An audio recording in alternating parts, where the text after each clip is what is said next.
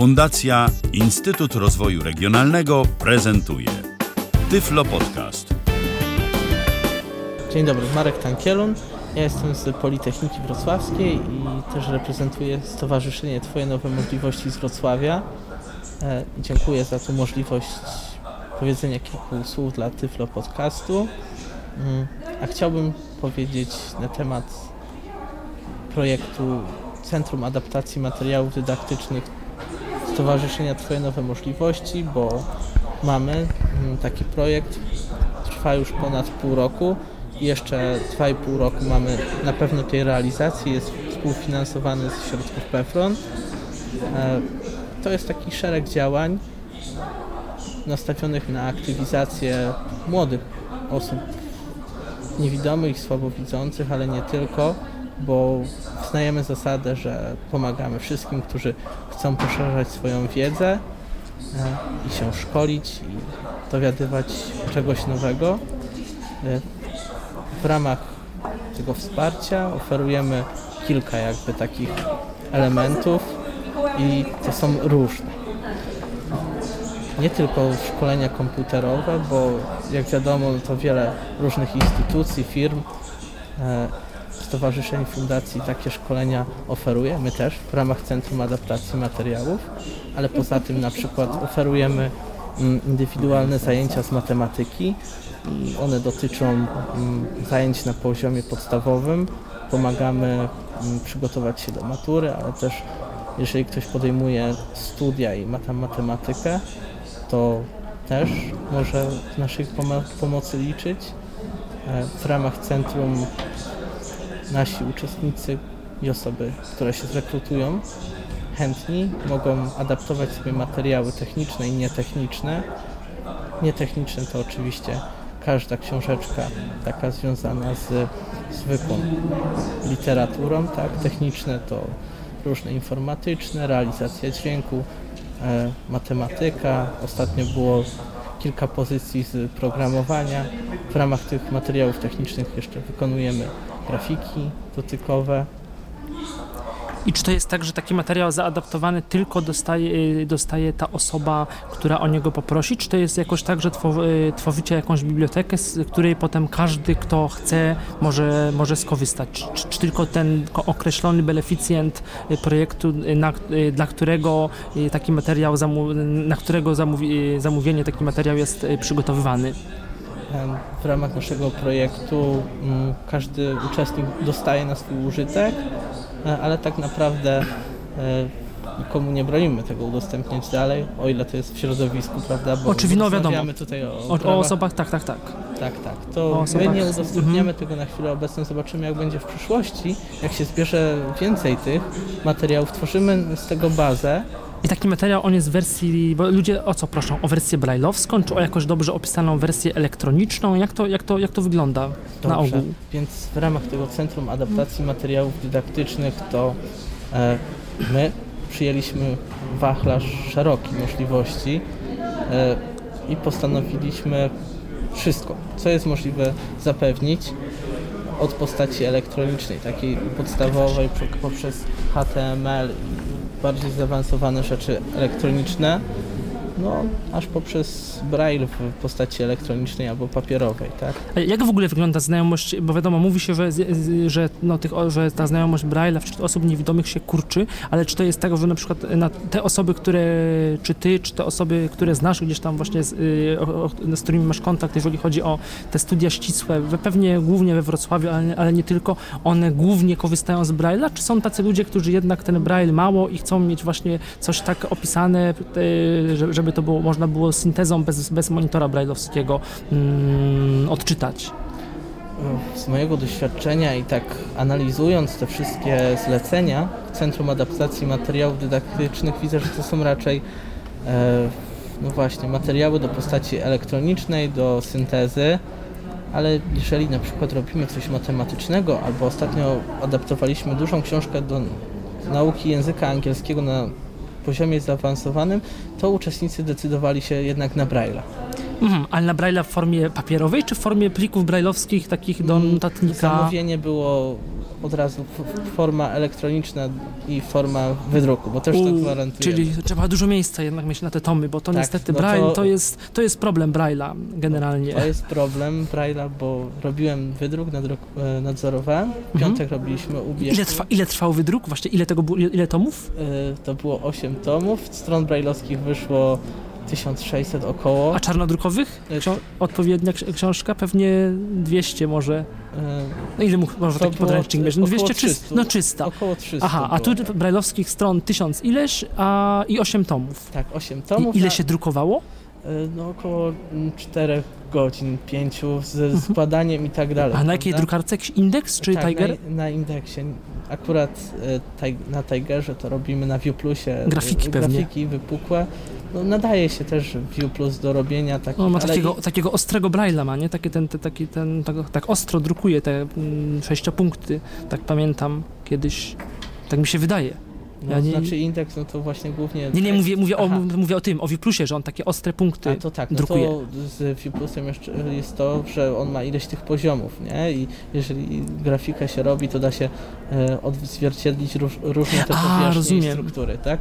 Ja dokładnie teraz nie pamiętam tej specyfikacji, ale właśnie poprzez to, że można robić większe te kropki, mniejsze i na różnych poziomach, słabiej albo mocniej je wytłaczać, no to mm, rysunek jest bardziej czytelny, nie?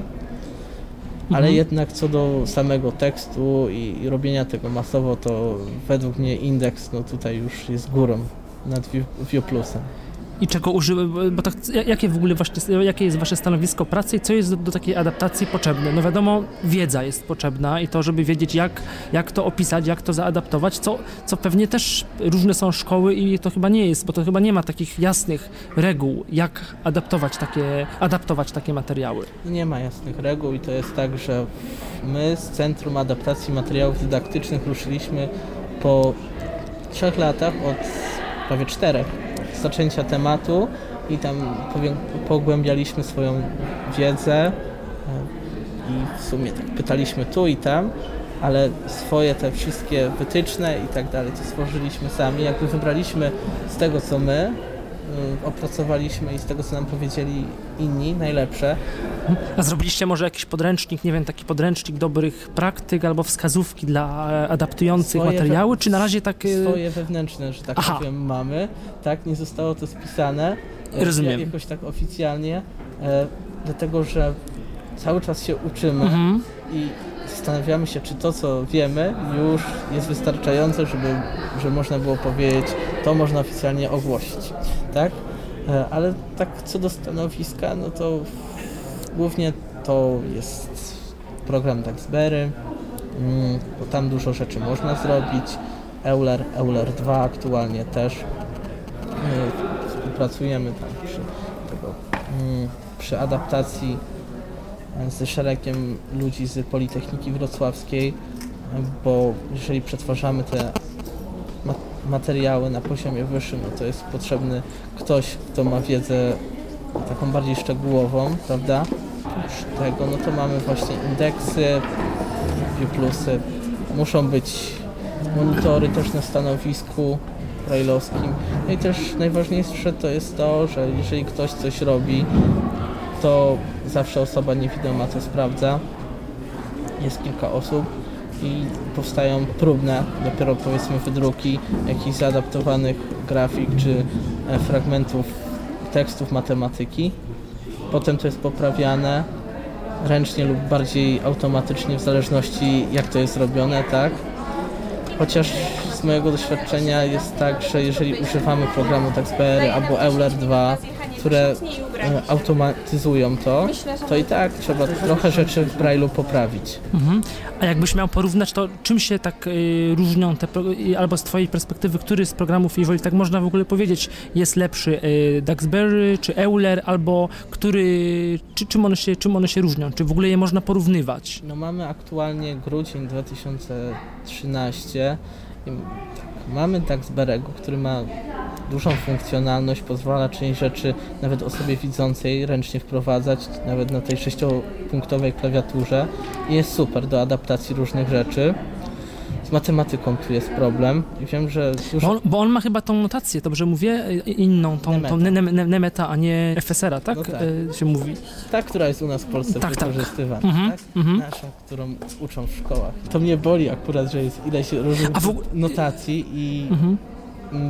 próbowałem szukać różnic i dlaczego tu czy tam gdzieś indziej jest wykorzystywana ta, a ktoś inny opiera się i nigdy nie dotarłem do przyczyn. Może to są jakieś tam y, przyczyny takie, że stworzyły to różne zespoły i każdy próbuje przepchnąć, która jest właściwa, tak? Ale widzę, że to się standaryzuje i to mnie cieszy. Ale z tego, jak korzystamy do robienia takich prostych wydruków, nawet takich bardziej złożonych, gdzieś Word, tabela y, plus korekta kogoś, e, kto się zajmuje tą adaptacją, mówią, że osobie widzącej, to tam idzie to sprawnie. Nawet z obsługi sprzętu mm, bardzo chętnie nasi beneficjenci korzystają właśnie z nauki w Daxberem wydruków i potem z obsługi Index Everesta, to taki jest moduł szkoleniowy. No a porównując to z Eulerem i Eulerem 2, to jest tak, że Euler 2 powstał ileś czasu temu i służy do przetwarzania matematyki zapisanej w języku składu LaTeX do Braille.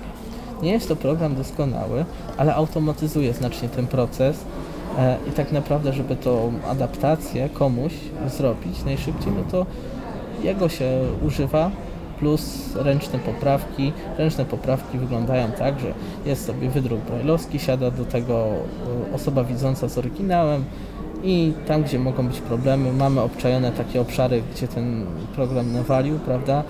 No to osoba niewidoma czyta.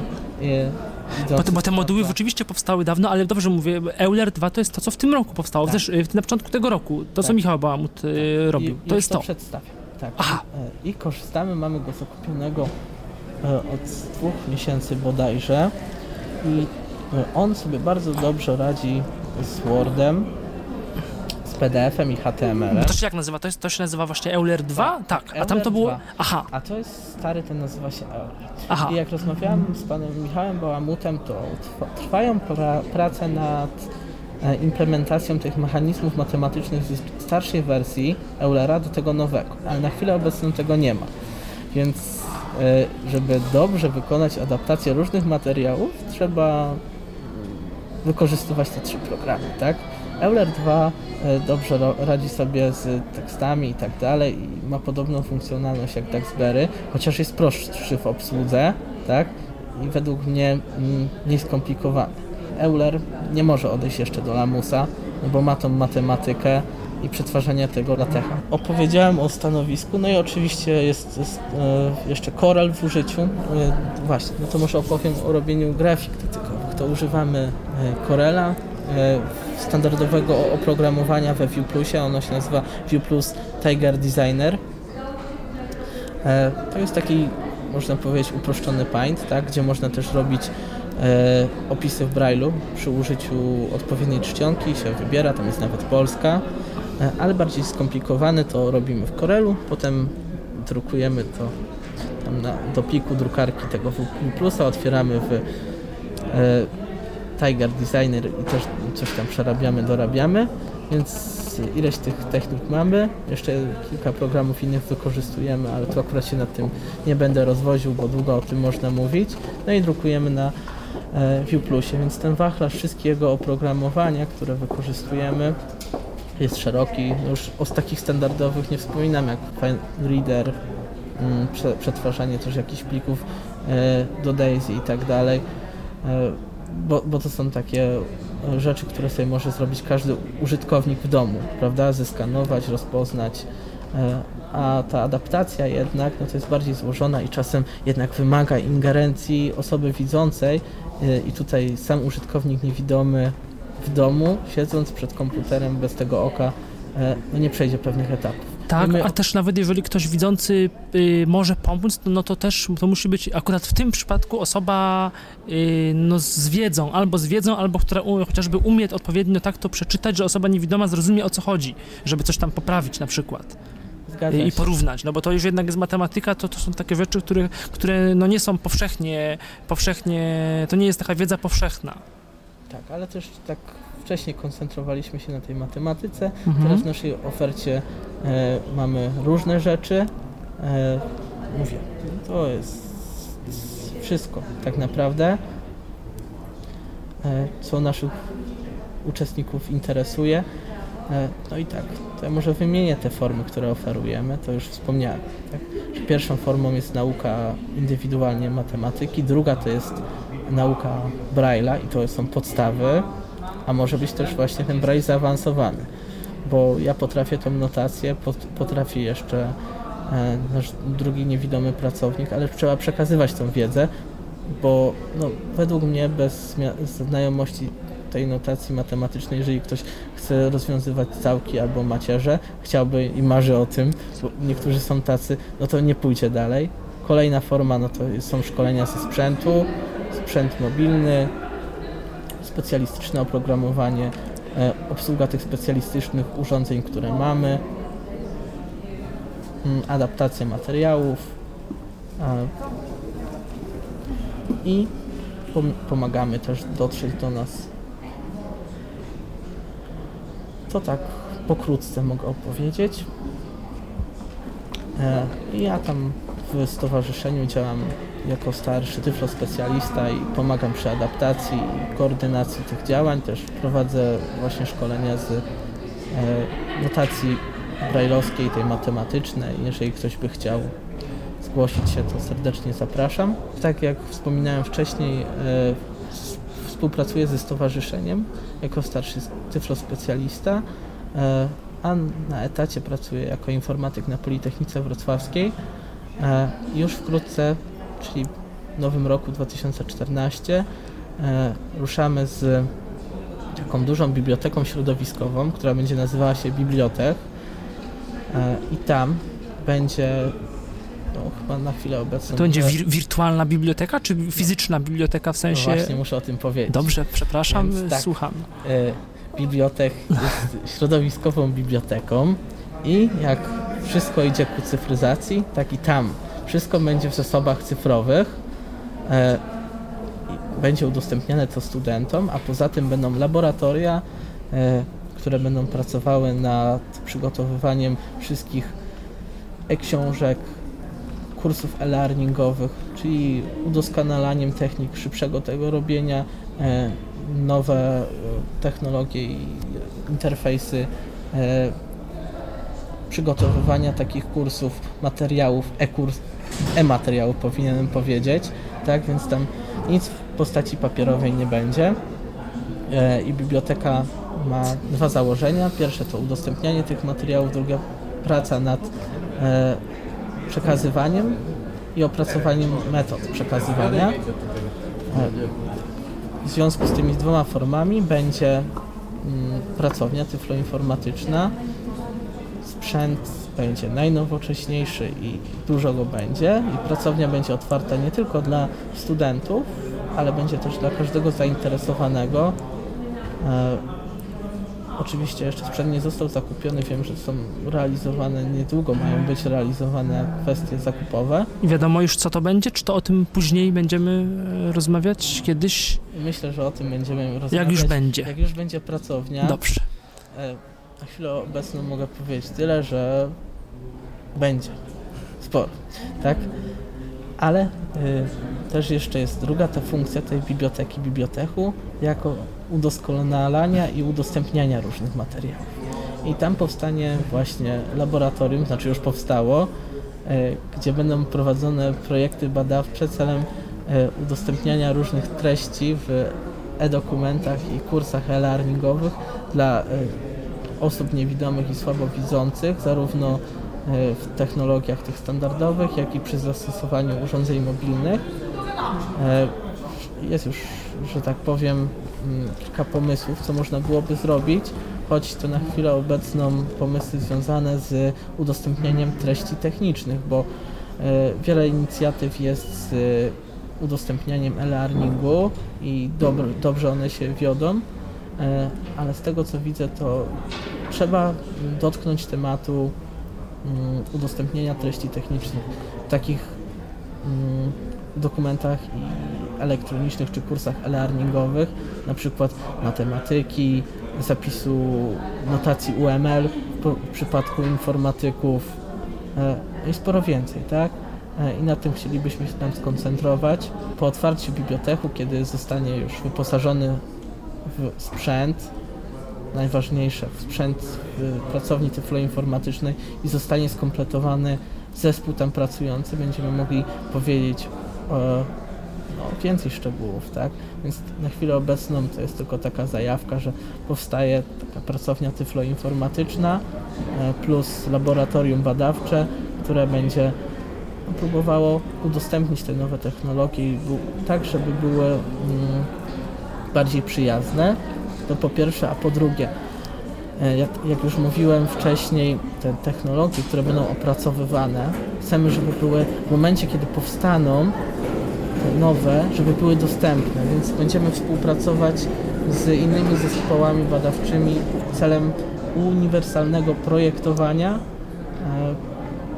tak e, aby od samego początku nie było z tym problemów. Oczywiście to takie moje małe marzenie. Zobaczymy, co z tego wyjdzie. Był to Tyflo Podcast. Pierwszy polski podcast dla niewidomych i słabowidzących. Program współfinansowany ze środków Państwowego Funduszu Rehabilitacji Osób Niepełnosprawnych.